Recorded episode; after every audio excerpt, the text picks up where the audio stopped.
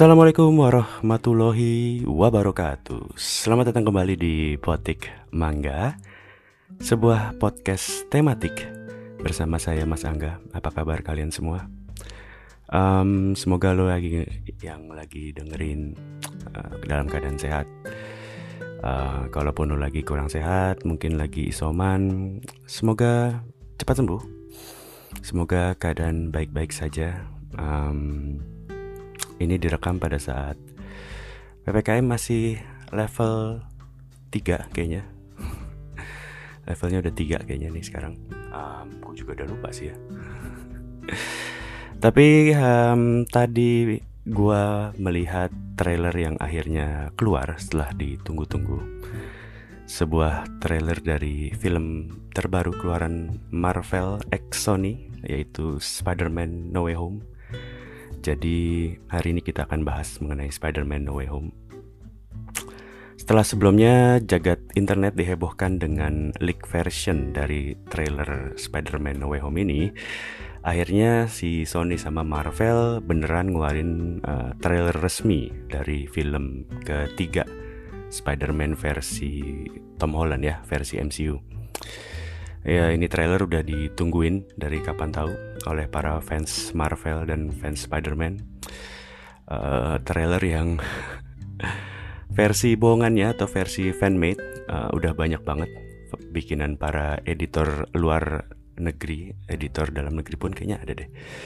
Intinya para editor-editor luar biasa yang kayaknya punya banyak waktu luang buat motong-motongin dari potongan film-film Spider-Man sebelumnya juga versi sinopsis atau versi plot cerita hoax pun kayaknya banyak banget deh uh, fans-fans sana bikin. Jadi bertebaran di sosmed maupun di berbagai macam forum ya.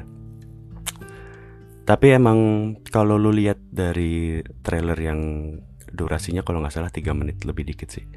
Ini emang layak ditunggu sih sama para fans untuk film Spider-Man No Way Home ini Uh, buat lo yang belum sempat lihat, gue coba deskripsikan ya gimana ceritanya si No Way Home ini dari trailernya ya, versi trailernya. Um, jadi kalau lo inget di ending film Spider-Man yang kedua, Far From Home, versi MCU ini, diceritain kalau Mysterio sebelum mati sempat ngirim footage ke media, ke Daily Bugle, si Jonah Jameson kalau lo tahu itu dia ngasih tahu kalau identitasnya si Spider-Man adalah Peter Parker. Nah, di trailer ini pun juga nerusin dari scene terakhir itu di mana diceritain bahwa Spider-Man kayaknya diburu oleh para media, sempat ditangkap polisi, ada adegan di mana dia ngasih keterangan lah di ruangan integrasi, uh, mirip acara lapor Pak lah. ya, mirip acara lapor Pak. Jadi dia di dalam ada ruang integrasi, interogasi, cuman kurang Andre uh, Wendy sama Andika Pratama doang tuh situ nggak ada. Terus nggak tahu gimana ceritanya dia lepas dari polisi terus kemudian dia datanglah ke uh, rumahnya Doctor Strange. Nah, bukan rumah ya apa sih kayak sanctuary New York lah. Dia konsultasi ke tukang sihir paling jago di dunia MCU intinya dia konsultasi gimana si Peter Parker ini minta ke Doctor Strange minta tolong kalau bisa nggak sih gue dibantuin supaya dunia lupa nih atau dunia nggak tahu kalau gue ini sebenarnya Spider-Man. Gue kayaknya nggak bisa deh hidup kayak gini gitu. Nah kayaknya uh, setelah si Doctor Strange itu melakukan ilmu jampe-jampe atau ilmu sihirnya dia kayaknya ada yang salah nih sama ilmu sihirnya si Doctor Strange atau mungkin mantra sihirnya seperti biasa mungkin punya efek samping sehingga setelah kelar si Doctor Strange ngeluarin ilmunya itu Ceritanya di trailer banyak musuh Spider-Man yang akhirnya nongol. Nah, yang jadi seru dan membuat fans internet uh, heboh adalah ceritanya musuh-musuh yang nongol ini adalah musuh-musuh yang familiar, bukan musuh-musuh baru atau musuh-musuh yang belum pernah keluar di film-film sebelumnya, tapi musuh-musuh lama yang pernah nongol di film-film Spider-Man sebelumnya. Jadi ada cuplikan granat dan suara ketawa Green Goblin. Walaupun belum dikasih tahu nih Green Goblin yang seperti apa, karena seperti kita tahu dulu di Spider-Man versi Tobey Maguire dan kemudian di versinya Andrew Garfield ada dua versi dari Green Goblin. Kemudian ada konon listrik-listrik yang menggambarkan elektro. Jadi ini kayaknya sebuah uh, menceritakan mengenai musuh ya Spider-Man Electro bukan yang anak STM ya elektronya ya bukan yang jurusan di Fakultas Teknik jadi ini Electro yang musuhnya Spider-Man um, dan tentunya yang paling bikin heboh alias money shot dalam trailer ini adalah nongol tentakel besi sekaligus aktornya Alfred Molina aktor yang jadi Dr. Octopus yang dulu main di Spider-Man 2 versi Tobey Maguire. Ini sejenis mengkonfirmasi teori fans bahwa Spider-Man dan MCU ke depannya akan main di ranah multiverse. Dan yang tentunya jadi heboh juga adalah kalau misalnya musuh-musuh dari film Spider-Man versi lama pada nongol kayak Dr. Octopus yang versi Tobey Maguire, kemudian Elektronya itu yang versi Jamie Foxx, uh, dari yang versi Andrew Garfield ya Electro itu ya ya Jamie Foxx dari Andrew Garfield fans selalu menimbulkan pertanyaan atau connecting the dots di mana masa iya sih kalau musuhnya nongol Spider-Man-nya juga nggak ikutan nongol? Gitu. Kurang lebih gitulah pikiran para fans Spider-Man sejagat raya. Yang jelas fans sudah sangat overexcited. Pengen bisa ada tiga Spider-Man di satu film. Jadi buat para fans di luar sana kayaknya film Spider-Man gak cukup satu Spider-Man ya untuk bisa memuaskan. Jadi butuh tiga kayaknya sekarang untuk bisa memuaskan keinginan fans saat ini. Um, lo silahkan deh cek di internet atau googling banyak banget fan art buat poster, video trailer atau apa atau apa pun itu ya uh, untuk menggambarkan bahwa ada tiga Spider-Man dalam film ini uh, Tobey Maguire, Andrew Garfield, sama Tom Holland semuanya nongol di film ini. Tapi di trailer sendiri sebenarnya belum ada sama sekali tanda-tanda bahwa akan ada tiga Spider-Man. Um, tokoh utama yang dikeluarkan Spider-Man-nya jelas masih Tom Holland versi MCU. Tapi ya apakah ini artinya musuhnya aja yang ditampilkan di Spider-Man tanpa si Spider-Man-nya um, ya belum tahu juga sih um, buat lo yang mungkin dulu belum pernah nonton karena ini versinya sudah agak lama Spider-Man versi layar lebar ini memang ada tiga pemeran, tiga versi. Pertama itu rilisan tahun 2000-an, 2002 kalau nggak salah. Itu yang versi Tobey Maguire, ya sutradaranya Sam Raimi. Uh, ini juga sutradara yang akan ngedirect uh, Doctor Strange Doctor Strange 2 yang ngedirect katanya Sam Raimi. Jadi ada Spider-Man 1, Spider-Man 2, Spider-Man 3 yang versi Tobey Maguire ini. Kemudian yang di tahun 2010-an, 2012 kalau nggak salah. Itu ada The Amazing Spider-Man, itu versi Andrew Garfield. Sutradaranya Mark Webb, uh, itu cuma ada dua film. Dan yang sekarang versi MCU yang main Tom Holland. Dia pertama kali debut si Tom Holland ini bukan di film sendiri tapi di film Civil War kalau lo inget yang ceritanya ada perselisihan antara tim Captain America sama tim Iron Man sebelum akhirnya dia dapat film uh, tunggal juga ya film sendirian. Jadi katanya so far paling gak sama si No Way Home ini Spider-Man MCU paling tidak ada tiga film. Um, kalau lo mungkin nanya kenapa sih Spider-Man bisa banyak versi kayak gitu ya ini sejarahnya mungkin agak panjang. Gue coba ceritain secara simple aja sih. Kita harus balik ke era ke 90-an gue lupa 90 berapa ya. Intinya uh, Marvel Studio itu sebagai um, sebuah perusahaan yang punya hak cipta atas Spider-Man dan banyak tokoh tokoh lainnya kayak Iron Man, Captain America dan seterusnya dan seterusnya itu terancam bangkrut di tahun 90-an. Mungkin lo bertanya gitu kalau Marvel segede sekarang kenapa dulu bisa bangkrut?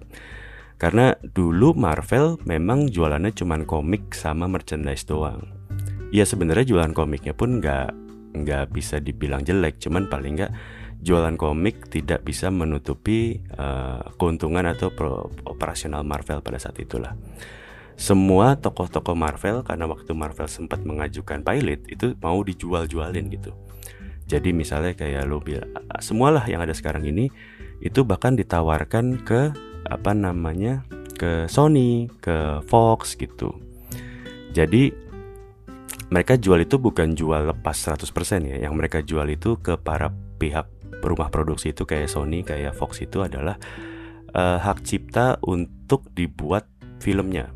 Yang dijual itu hanya hak rights untuk bikin film, jadi nggak seluruhnya dijual. Jadi si Marvel masih pegang rights untuk komik, untuk merchandise, termasuk bagian kalau si film itu bikin merchandise. Nah, Marvel pernah nawarin Sony untuk ngambil semua karakter yang mereka punya. Jadi nggak cuma Spider-Man nih, semua dari Iron Man, Captain America, Black Widow, semua lah lo sebutin dari ujung ke ujung itu mau dijual ke Sony harganya 25 juta dolar. Semua karakter. Itu kalau nggak salah di tahun 90-an akhir lah, 98 apa 99. Nah pada zaman itu Sony nggak mau. Gua kayaknya nggak mau deh uh, beli semua karakter lo 25 juta. Sony tuh bahkan nyuruh si perwakilannya itu kalau nggak salah dia counter offer ke Marvel gitu. Ya udah gue nggak mau ambil semuanya gue cuma mau ngambil Spider-Man. Harga Spider-Man berapa duit nih? Gak usah yang pengen lain deh gitu. Kurang lebihnya kayak gitu ya bahasanya ya. Karena emang harus diakuin sebelum project MCU sebelum Iron Man keluar Iron Man 1 karakter Marvel itu nyaris kurang kedengeran di kalayangan uh, para pasar di luar Amerika gitu. Maksud gue um, kecuali lu pembaca komik kayaknya dulu orang nggak tahu Iron Man itu siapa, orang nggak tahu Black Widow itu siapa, bahkan orang nggak tahu apa kayak misalnya Doctor Strange mungkin gitu. Jadi nggak ada yang tahu itu siapa itu mereka gitu. Alhasil Sony akhirnya deal sama si Marvel untuk beli rights-nya si Spider-Man di angka kalau nggak salah di 7 juta dolar. Nah makanya si Sony akhirnya bisa bikin Spider-Man versi Tobey Maguire itu yang tahun 2002 tadi kalau nggak salah gue bilang. Itu meledak tuh di box office. Bahkan kalau nggak salah karena Spider-Man itu lumayan oke okay, uh, kontrak untuk ngebuat Spider-Man 4 dan 5 itu konon nggak salah udah bikin udah ada kontraknya kalau nggak salah. Udah sign juga sama para pemainnya cuman akhirnya gue nggak tahu ya kenapa akhirnya intinya gagal gue lupa kenapa lah. Nah yang ada setelah Sony kelar bikin Spider-Man 3, Spider-Man 4 dan 5 nya nggak jadi, bikin lagu, bikin lagi tuh reboot, uh, bikin ulang lah Spider-Man-nya, diulang. Jadi diulang dari kegigit laba-laba, Uncle Ben meninggal, dibuat lagi tuh sama si Sony dengan aktor yang namanya Andrew Garfield. Uh, mungkin lu juga nanya sih kenapa sih Sony pakai ngulang filmnya gitu? Jadi kalau nggak salah antara si Marvel dengan Sony itu ada sebuah perjanjian yang tadi 7 juta dolar itu di mana salah satu inti perjanjiannya adalah Sony harus paling tidak membuat film Spider-Man dalam jangka waktu 5 tahun at least. Jadi kalau misalnya Spider-Man 1 dibuat Spider-Man 2-nya itu di tahun ke-6, itu Sony dianggap melanggar perjanjian. Jadi paling tidak dalam 5 tahun sekali, Sony harus bikin film Spider-Man minimal sekali. Kurang lebihnya kayak gitu. Makanya setelah Spider-Man 3 itu Tobey Maguire terbit, maka akhirnya setelah Spider-Man 4, Spider-Man 5 dan seterusnya itu akhirnya gagal. Sering berjalan waktu, nyampe 5 tahun di 2012, Spider-Man akhirnya dibuat ulang sama si Sony biar nggak melanggar kontraknya. Kurang lebih kayak gitu sih. Um, intinya sih emang nge-reboot atau ngebuat cerita ulang lebih gampang ya ketimbang nerusin Toby Maguire gitu kurang lebihnya kayak gitu sih. Um, buat cerita lengkap gimana rumitnya kontrak antara Sony sama Marvel sih lo coba googling aja sih. Gue juga mungkin kurang detail atau kurang uh, tepat mungkin ya. Intinya sih buat Sony kayaknya buat dijual lagi ke Marvel sih kayaknya belum sih. So far sih kayak gitu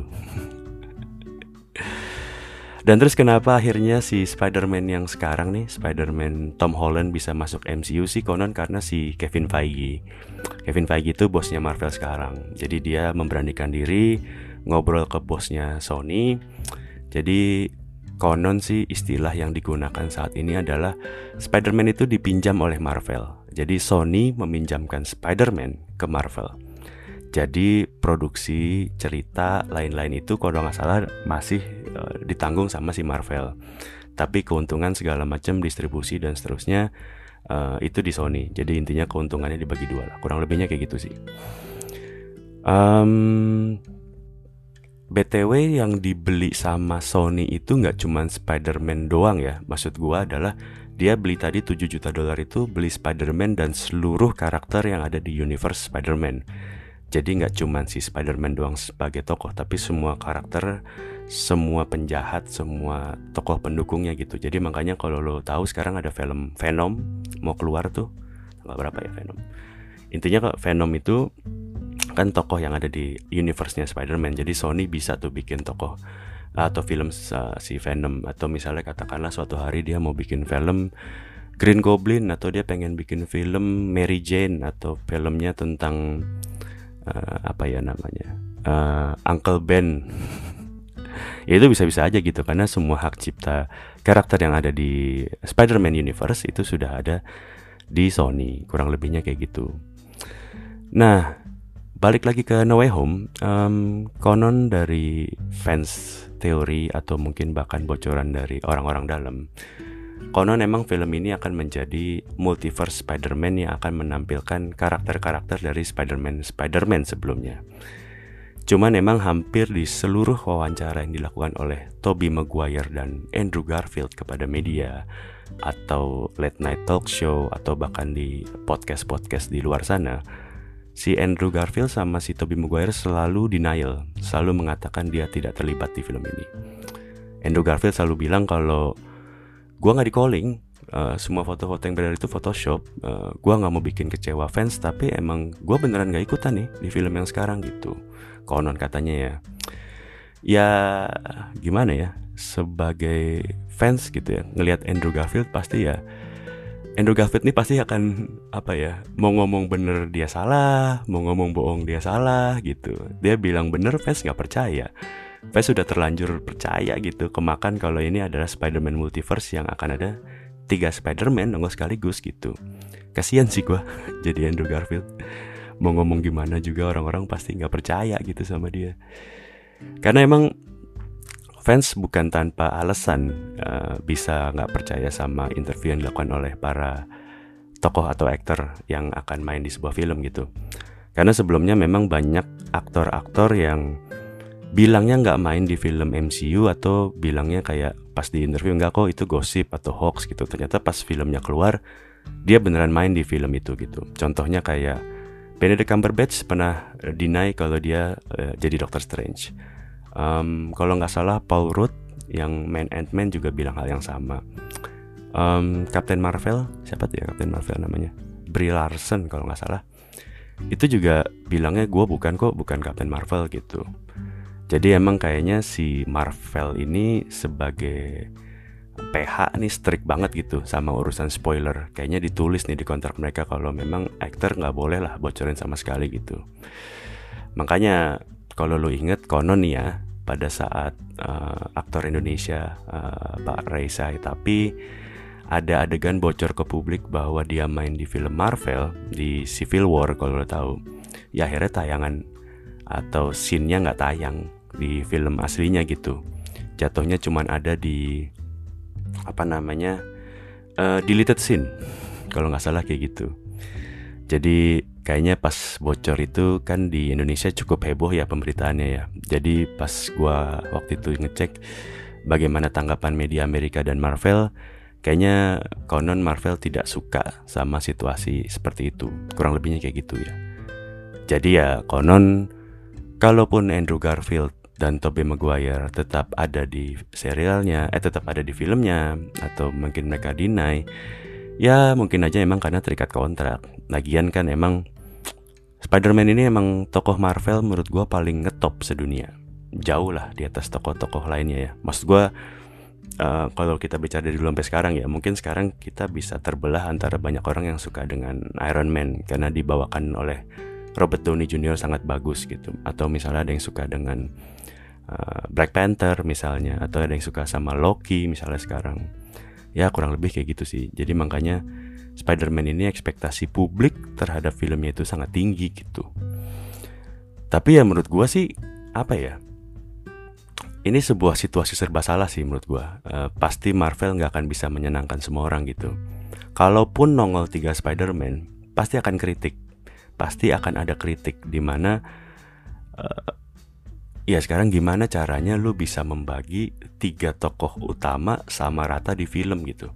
Pasti kan ada porsi-porsi yang lebih besar dan porsi-porsi yang lebih kecil gitu. Otomatis dengan ada pembagian porsi seperti tadi Pasti akan ada aja fans yang gak puas gitu. Dan kalaupun gak nongol kalaupun nggak nongol gitu ya Spider-Man cuma satu Tom Holland doang pasti akan lebih dihujat gitu. Kenapa musuhnya lo tongolin dari universe sebelumnya tapi Spider-Man nggak nongol nggak logis lah kalau lo bikin film. Pasti fans ada yang ngomong kayak gitu. Nggak logis. Hey anda tukang kritik. Ada manusia gigit laba-laba beracun radioaktif. Nggak mati dan malah bisa kuat dan nempel di tembok aja logikanya udah ke mana-mana. Kok bisa-bisanya lo mempertanyakan logika di film superhero sih? Aduh. Anyway, kalau nggak ada lockdown atau mungkin ada serbuan COVID varian baru, rencananya Spider-Man No Way Home ini akan tayang 17 Desember tahun ini, 2021. Um, di Indonesia-nya bisa jadi telat karena mungkin kalau ppkm-nya masih ada, bioskopnya masih belum dibuka. Ya, semoga enggak sih ya. Semoga ke depannya kita sudah bisa menonton film di bioskop, menonton film keluaran-keluaran terbaru, baik di luar negeri maupun dalam negeri. Makanya, makanya vaksin, lu pada yang dengerin vaksin nih, biar kita semua bisa segera pulih dari pandemi. Vaksin lah, biar bisa masuk mall paling nggak bisa nonton bioskop kita janganlah kita nonton LK21 atau layar kaca 21 mulu lah yang translatannya sama lebah ganteng